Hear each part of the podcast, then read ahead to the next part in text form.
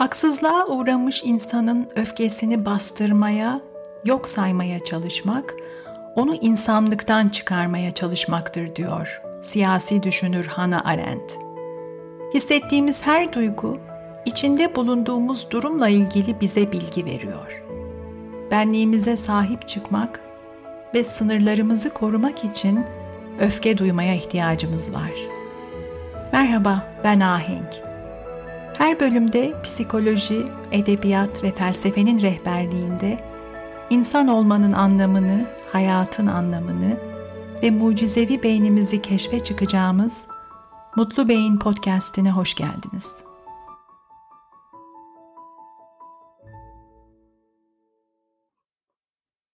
Tekrar merhaba.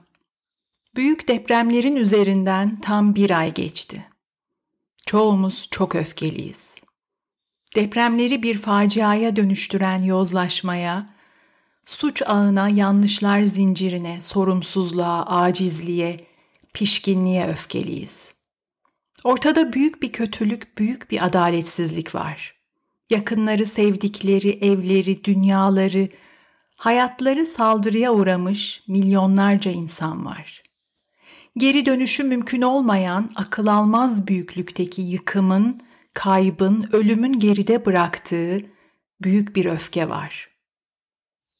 Öfke ve korku sıklıkla bir arada ortaya çıkan iki duygu. Psikoloji şöyle diyor. Kişi kendini güvensiz hissediyorsa, kendini uzun süre güvensiz ve tehdit altında hissediyorsa, öfke ikincil bir duygu olarak çıkar ortaya. Yaşanan facia güvende olmadığımızı, tehdit altında olduğumuzu bir kez daha ortaya koydu. Duyduğumuz öfke, yaşananları kabullenmek zorunda olmanın yarattığı zor duyguyla birlikte yanlışların değişmeyeceğine dair duyduğumuz korkunun da beslediği öfke. Her duygunun bir işlevi, bir varoluş sebebi var. Duygular içinde bulunduğumuz durumla ilgili bize bilgi veren, hayatımızı, güvenliğimizi korumak üzere eyleme geçmemizi sağlayan geri bildirim mekanizmaları. Bazı duygular ise dikkatimize seslenen dev ünlem işaretleri gibi çünkü hayatta kalma içgüdüsünün bir parçası bu duygular. Bizi önemli olana, çözülmesi gereken soruna çağıran işaretler bunlar. Öfke de o duygulardan biri. Öfke en basit tanımıyla bir şeylerin yanlış gittiğinin habercisi. Seni tehdit eden, sınırlarına saldıran, iyiliğin ve güvenliğin için düzeltilmesi gereken bir yanlış var, düzelt o yanlışı diye seslenen bir duygu öfke. Sınırlarımız saldırıya uğradığında kendimizi korumak üzere öfkeleniyoruz. Fiziksel sınırlar da olabilir bu, sosyal statümüzü tanımlayan sınırlar da olabilir. Değer yargılarımıza ters düşen, değer yargılarımızı tehdit eden durumların yarattığı saldırı hissi de olabilir. Bu yüzden başkalarının maruz kaldığı bir haksızlığa karşı sonuçları bizi doğrudan etkilemese bile öfke duyabiliyoruz. Tanık olduğumuz haksızlıkları değer yargılarımıza, insanlığımıza yönelik bir saldırı, bir işgal olarak tecrübe ediyoruz. Kısacası öfke duyduğumuzda birilerinin ya da bir durumun haksız, adaletsiz, zararlı, yanlış bir sonuç yarattığına inanıyoruz ve bu sonucun değişmesi için, yanlışın düzelmesi için harekete geçme isteği duyuyoruz. Kendimizi koruyabilmek için ortaya çıkan eylemleri ateşliyor öfke. Haksızlığa uğramakla, adaletsizlikle doğrudan bağlantılı olduğu için özünde ödeşme isteği taşıyan bir duygu. Bu istekle beraber öfke duyduğumuzda beynimiz bizi bir yüzleşmeye, bir çatışmaya karşı hazırlamaya başlıyor. Bu yüzden öfke bir eylem duygusu ve aynı zamanda çok fiziksel bir duygu.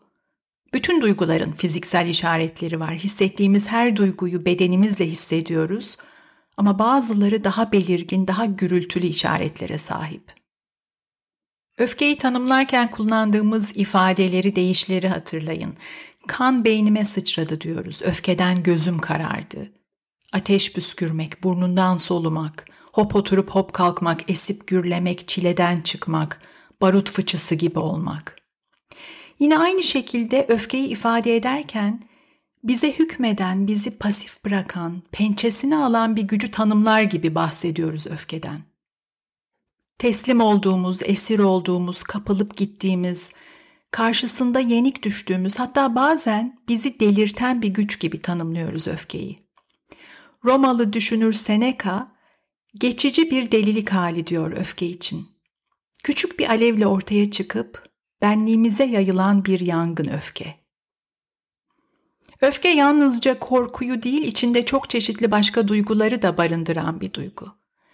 Hem gücenme, incinme var içinde, hem gurur yarası.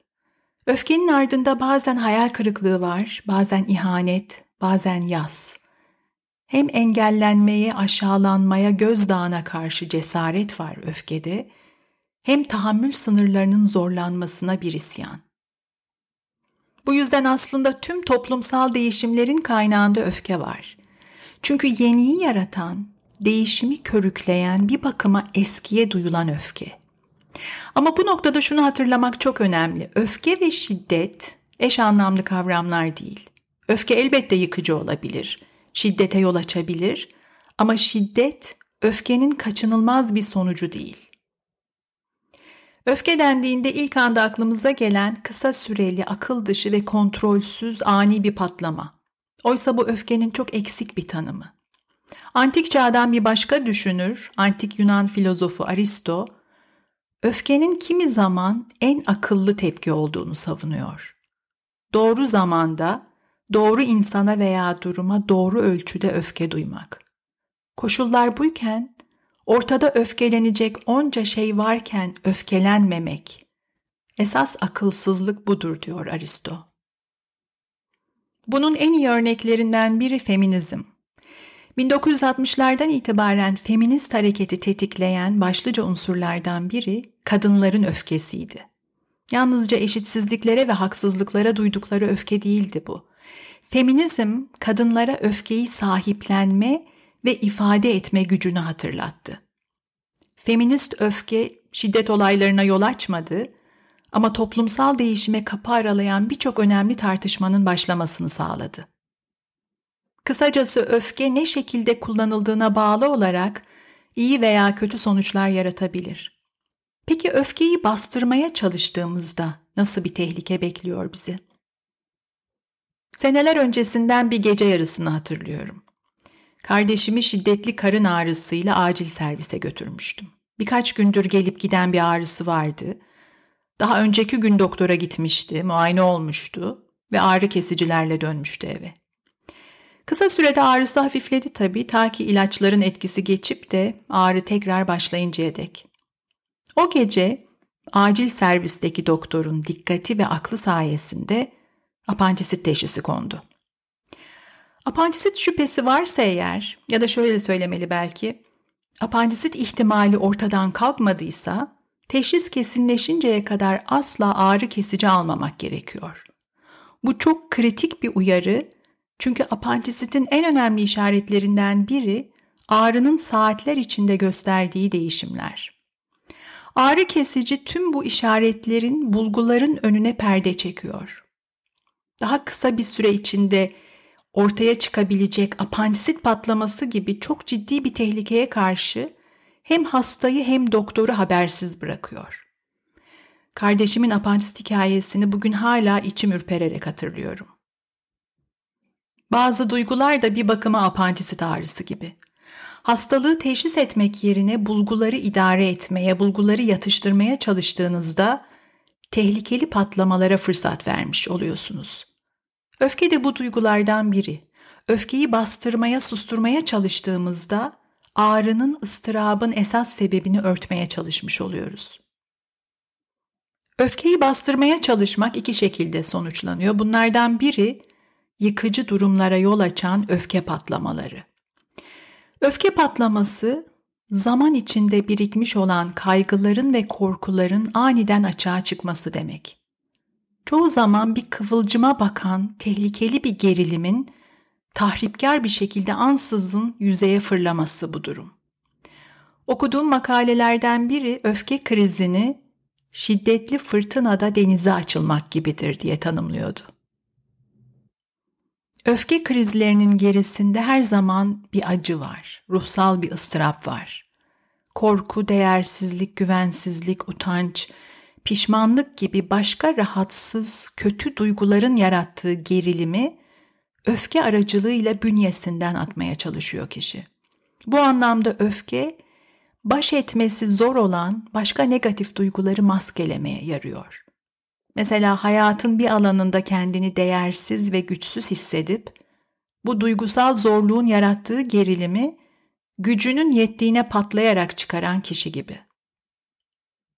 Bastırılmış öfkenin bir diğer sonucu ise insanın tüm hayatına yayılan kronik mutsuzluk ve bazen bu durumun yarattığı hastalıklar. Bastırılmış öfke zaman içinde zehirleşiyor.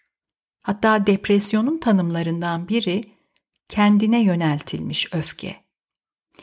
Öfke her zaman ani ve kısa ömürlü değil, bazen uzun yıllara yayılan, hatta kişinin bir ömür boyu içinde taşıdığı bir duygu çünkü.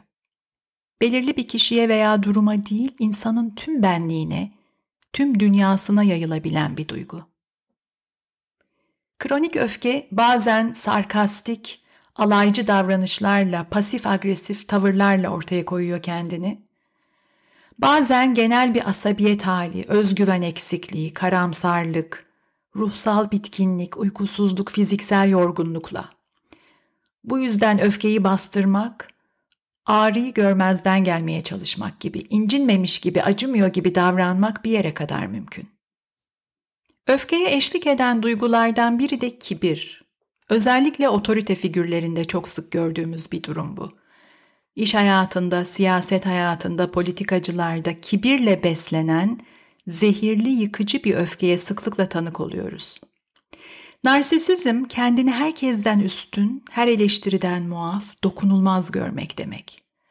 Başkalarının ihtiyaçlarını değersiz sayan bir otorite takıntısı, narsisizm. Her şeyin en doğrusunu bildiğini düşünen ve bu yüzden başarısızlık ve eleştiri karşısında un ufak olanların bu acizliği kamufle etmek için arkasına sığındığı zır, öfke. Gördüğümüzde hemen tanıyoruz bu tür öfkeyi. Her ilişkinin temelinde kendimizle kurduğumuz ilişki var. Duygularımızı kabullenmek ve anlamaya çalışmak bu yüzden kim olduğumuzu anlamak demek. Öfke bana ne söylemeye çalışıyor? Neyi korumam gerekiyor? Hangi sınırlarım tehlikede? Ve belki de en önemlisi duyduğum öfkeyi neye dönüştürebilirim? Bu öfkeyle yeni ve iyi ne yaratabilirim? Öfke cesarete, adalete, haksızlığa uğrayana yönelik şefkate ve değişime dönüştüğü zaman akıllı bir duygu. Evet, 6 Şubat'ta yaşanan büyük depremlerin, büyük felaketin üzerinden bir ay geçti. Resmi rakamlara göre yaklaşık 50 bin kişi hayatını kaybetti. Bu sayının kim bilir kaç misli hala enkaz altında. Bir ay sonra hala yüz binlerce insan en temel ihtiyaçları giderilmemiş halde çözüm bekliyor. Türkiye bir yandan çok kritik bir seçime hazırlanmakla meşgul. Seçim gündemi işgal etmişken depremzedeler sosyal medyadan seslerini duyurmaya çalışıyorlar. Su yok diye. Su yok. Hatay'da, Adıyaman'da içecek su yok. Geçtiğimiz cumartesi günü seçim gürültüsüne boğulmuşken Hataylı bir depremzede bir şehir günlerdir su bekliyor diye haykırıyordu.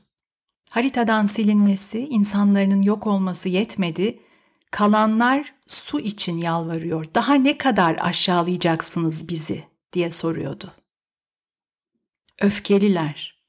Onların öfkesine kulak vermezsek, onlarla birlikte öfkelenmezsek eğer ülkemizi, yurttaşlarımızı, kendimizi tekrar tekrar aynı facianın içinde bulacağız. Gücümüzü hatırlamak, umudumuzu korumak ve yanlışı düzeltmek, değişmek için öfkenin sesine kulak vermek zorundayız. Öfkenin bize bir mesajı var. Beni dinlediğiniz için teşekkür ederim. Her pazartesi görüşmek umuduyla.